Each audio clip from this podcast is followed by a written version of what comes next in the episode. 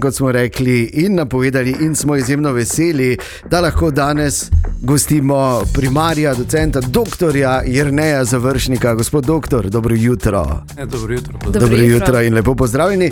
Takoj moramo iti k osnovni materiji. Zdravniki ste zdaj te dni face na tapeti in jaz verjamem, da je seveda veliko stvari, ki so narobe uh, zastavljene ali pa utečene v našem zdravstvenem sistemu, ampak ali je to pravi način? To se recimo sprašujejo ljudje, ta stavka. Torej, um, naj uvodoma povem, da seveda zdravniki smo v osnovi humanisti. In uh, ko gremo študirati to, vsekakor ne gremo študirati uh, tega, zato, da bi se ukvarjali z takšnimi zgodbami, kot se zdaj dogajajo. In tudi v pogovoru z svojimi kolegi, znanci, prijatelji, uh, moram reči, da je takšno tudi mnenje. Zdaj, kar se tiče pa sindikata, sindikati obstajajo, ne vem, sindikati obstajajo na svetu, um, se borijo za neke svoje pravice in to je čisto legitimno. In jaz mislim, da je pač to um, treba v osnovi spoštovati, ta sindikalni boj. Tisto, kar je izjiv trenutka, časa, v katerem živimo v Sloveniji, pa je to, da je ta nesrečni štrajk v bistvu razgalil sam sistem mm. funkcioniranja um, torej zdravstvenega varstva v Sloveniji. Namreč ta sistem vidimo zdaj, da lahko funkcionira samo na osnovi tega, da ljudje, pa ne samo zdravniki, tudi medicinske sestre, laboratorijski delavci, vsi, ki v tem sistemu delujejo, se pravi, ta sistem lahko funkcionira samo na osnovi tega, da ti ljudje v osnovi delajo več kot pa tisto, kar je nekako v svetu osnovno predpisano 40-urni delovnik. No, zdaj si vi zamislite eno tovarno, ki sloni na tem, da funkcionira na način, da preživi samo na ta način, da vsi, ki tam noter delajo, morajo delati 60, 70, 80 ur. To ni pošteno. Ja, niti ne bi dolgo vzdržal. Ja, se pravi, to je to. In to je, to je problem, za katerim se mi dejansko soočamo. In tisto, kar pa sem žalosten, mogoče tudi razočaran, pa je to, da ta stavka v osnovi ne naslavlja ključnih eh, izzivov slovenskega zdravstva. To pa je to, da bi se morali pogovarjati o kakovosti dela. In pa morali bi se ukvarjati z učinkovitostjo dela.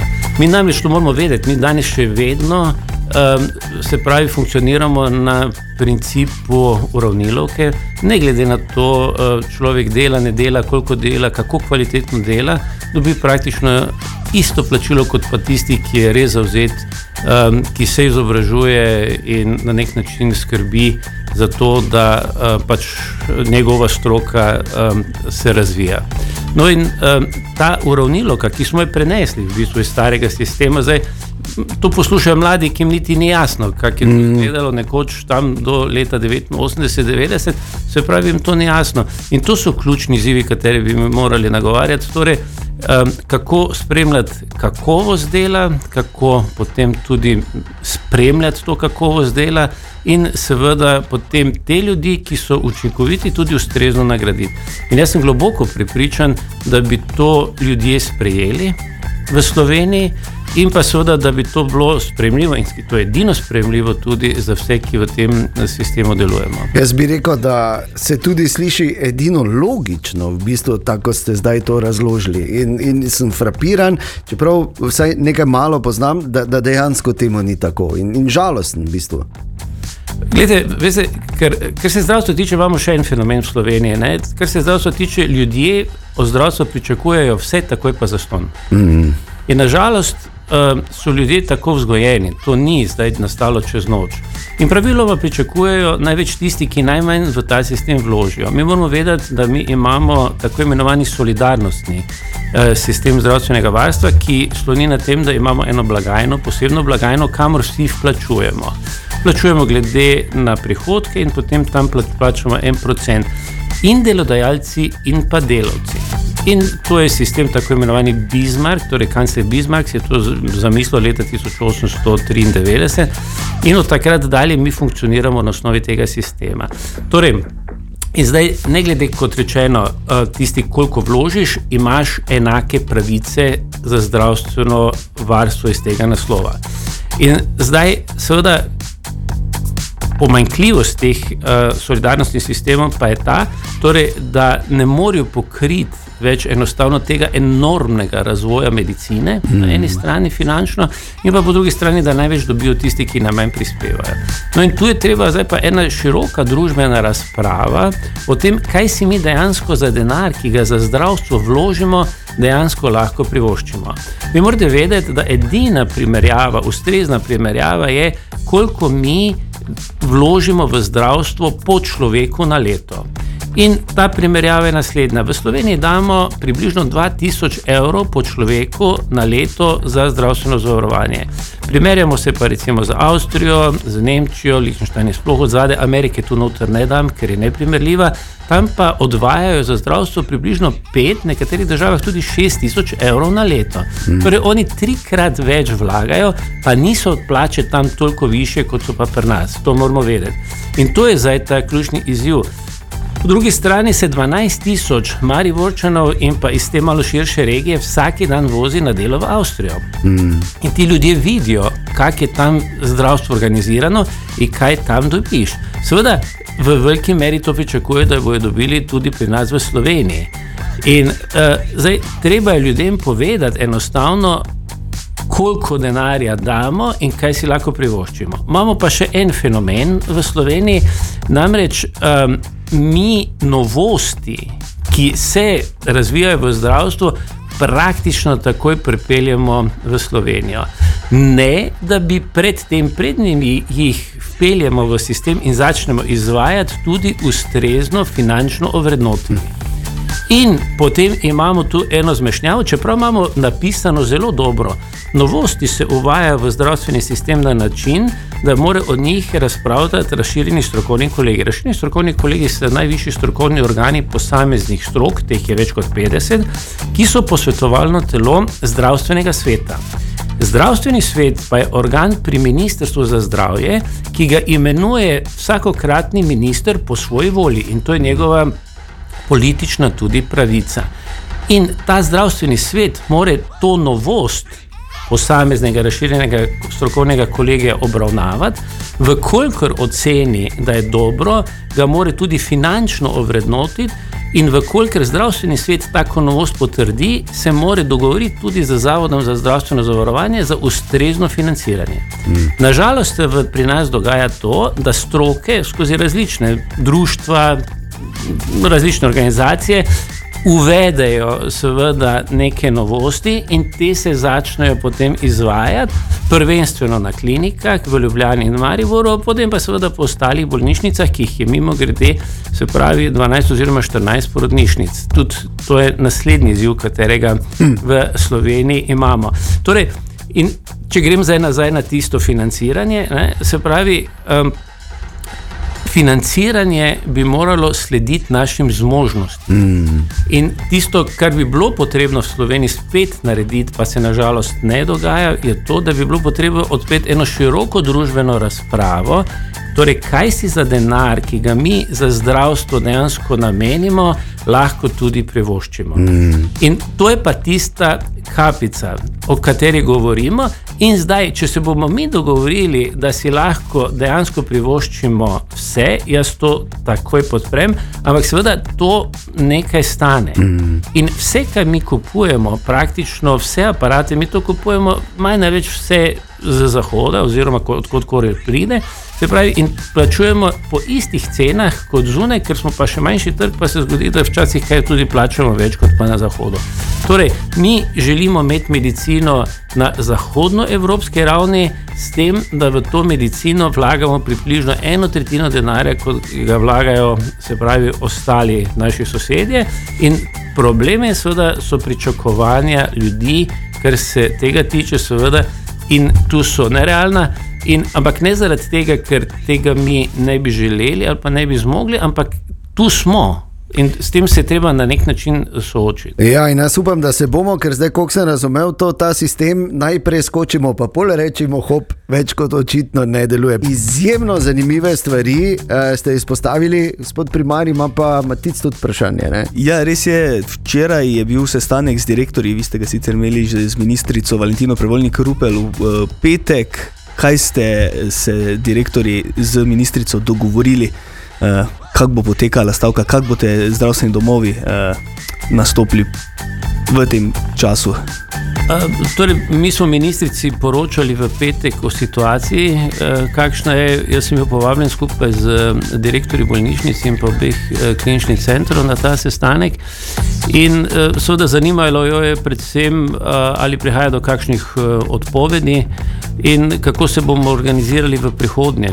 Torej, zdaj, mi vsi smo ministrico obvestili na eni strani bolnišnice, da prihaja do določenih odpovedi, pregledov in pa storitev storitev. Um, kar se tiče osnovnega zdravstva, um, smo jo pozorili, smo z direktorico zdravstvenega doma Vlana na tem sestanku, da v osnovi je na osnovnem zdravstvu na primarni ravni težko štrajkati. Um, vendar, um, seveda, tisto, kar je ključno, kar nas najbolj skrbi, so pa odpovedi soglasij zdravnikov za delo preko tega normalnega nekega delovnega mhm. časa, 40 ur plus 8 ur na mesec. In um, v petek takrat eh, še nismo vedeli, koliko tega bo. Um, opozorili smo pa še na naslednje dejstvo. Torej, vse te odpovedi um, storitev pomenijo tudi, da te storitve potem niso financirane. Mm. Po drugi strani pa imamo neke fiksne stroške, ker tu um, seveda pri opravljanju storitev ne sodelujo samo zdravniki in zdravnice, torej da govorim po obeh spolih, ampak seveda je tu še en kup drugega strokovnega in drugega kadra, ki pa je v službi. Seveda, in to pomeni pa dodatno finančno breme, zato ker vi morate vedeti, da stroški plač so v bistvu najvišji um, uh, se malo razlikujejo med bolnišnicami in pa med zdravstvenimi domovi, zaradi tega, ker je struktura plačila dela malo drugačna. Ampak uh, v bolnišnicah je tam približno 55%, pri nas je pa približno 70%, to je struktura plač. No in seveda, vkolikor bi se v nadaljevanju začelo dogajati, da bo odpovedi vedno več, seveda bo toliko manj prihodkov uh mhm. -huh. in seveda to bo pahnilo zdravstvene zavode, ne samo v to, da ljudje ne bodo imeli torej, neke zdravstvene usluge, ampak bo pahnilo tudi v finančne težave zavode. V nadaljevanju smo tudi preigrali scenarije, kaj pomeni potem v slučaju, da bi prišlo do odpovedi, kar bomo kasneje slišali, da se je že začelo dogajati. Torej, to pomeni seveda, da v osnovi bojo začele odpadati specialistične ambulante. Zdaj, Tu pa smo mi že soudeleženi, tudi zdravstveni domovi, zaradi tega, ker zdravstveni domovi v osnovi funkcioniramo na primarni ravni, ker izvajamo zdravstveno storitev družinske medicine, pediatrije in ginekologije, pa tudi na sekundarni, ambulantno-specialistični ravni. Konkretno za naš zdravstveni dom govorim, predstavlja specialistično ambulantno raven 12% našega dela, od tega pa smo približno v 50% odvisnih od dela kolegov iz pri nas, predvsem UKC-ja. Vkolikor bi kolegi v UKC-ju torej omaknili svoje soglasje, bo normalno sledila reakcija, da bodo potem tudi prepovedano torej soglasje za delo zunaj zavoda, kar pa pomeni, da naše ambulante ne bo funkcionirale. Hm. Moramo pa vedeti, da to niso samo plašniške ambulante, ampak da so to ambulante, ki so plačene prav tako s strani Zavoda za zdravstveno zavarovanje Slovenije.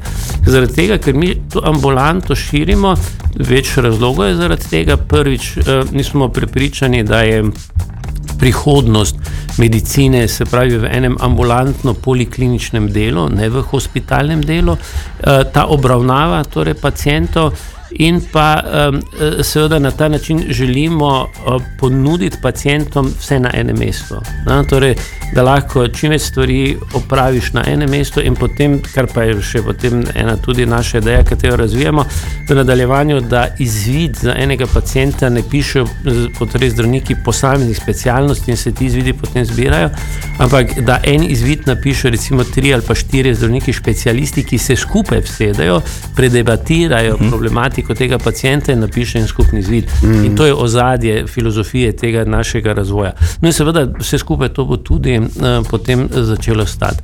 V nadaljevanju, kaj to pomeni, uh, torej zmanjšanje dela v ambulantno-specialističnem delu, potem seveda se bo zmanjšalo delo na oddelkih.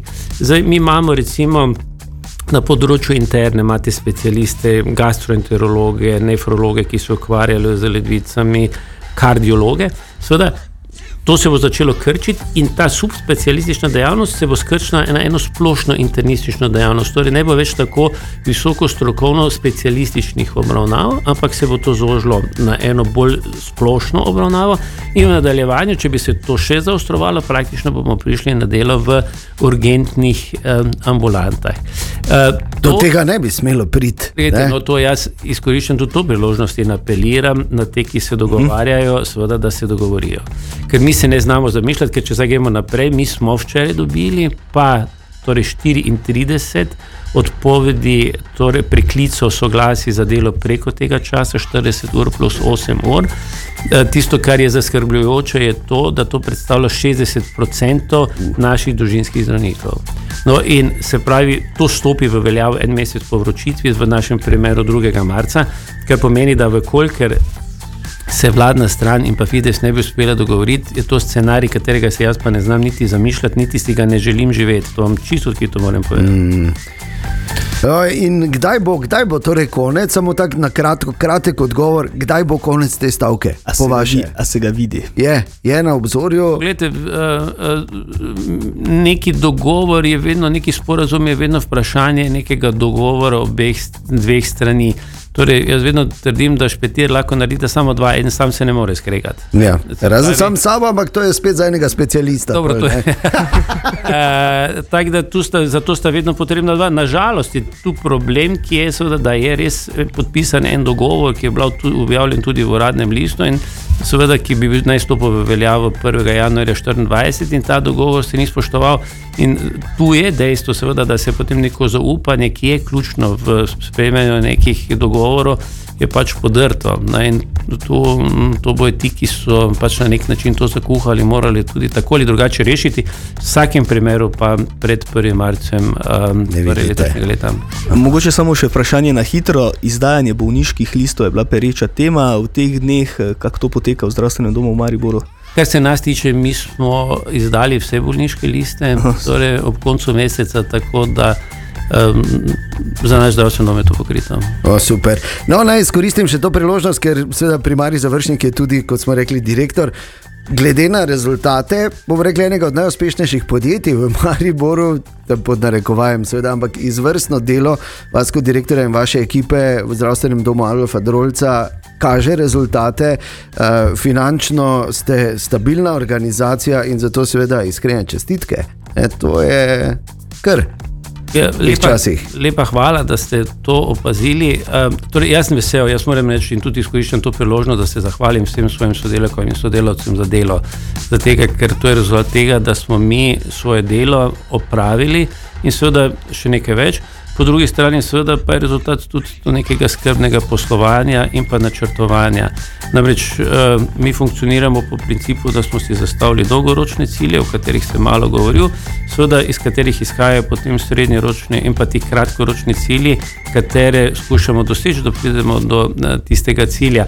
In uh, seveda z ekipo, ki smo skupaj, uh, moram reči, da radi hodimo v službo in da dobro delamo, in rezultat je to. Definitivno in zdaj moram samo še to vprašati, da bomo rešili tezno, ker tam je ta zdravstvena postaja na krne. Ja, kdaj bo tezno rešeno? To je to vprašanje. A, torej, tezo se projektira zelo intenzivno. Zdaj, na osnovi mojih izkušenj vam lahko povem, da takrat, ko se pristopi tako k resnemu projektiranju, potem je tudi investitor uh, se odločil, da bo projekt speljal. Um, mi računamo, da bojo projekti zaključeni do uh, začetka poletja. In uh, takrat um, naš ustanovitelj, mestna občina Maribor, torej z ostalimi enajstimi ustanovitelji, ker gre za velik projekt in vsi sodelujo, računamo potem, da bi se šlo v razpis. Kar pomeni, da bi bil v drugi polovici leta potem izbran najbolj ugoden ponudnik in po idealnem scenariju bi se tezno lahko začelo graditi konec letošnjega leta že oziroma v začetku prihodnega leta. Računamo, da bi potem dobro leto pa pol, približno dve leti, um, bi se to gradilo.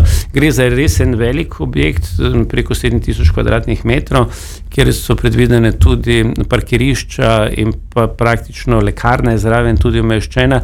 In jaz verjamem, da bo to ena dodana vrednost, eh, ne samo vsebinsko, ampak tudi oblikovno. Ja, Primarni završnik, zdaj, hvala lepa za vse to. Mislim, toliko smo enih informacij zdaj dobili, lahko bi se Res pogovarjali še ure. Jaz upam, da bo kmalo konec te stavke. Uh, pozdravite nam vse, predvsem medicinske sestre, pa seveda tudi zdravnice in zdravnike v vašem zdravstvenem domu in veliko uspeha želimo še naprej. Lepa hvala za povabilo in lepo zdrav.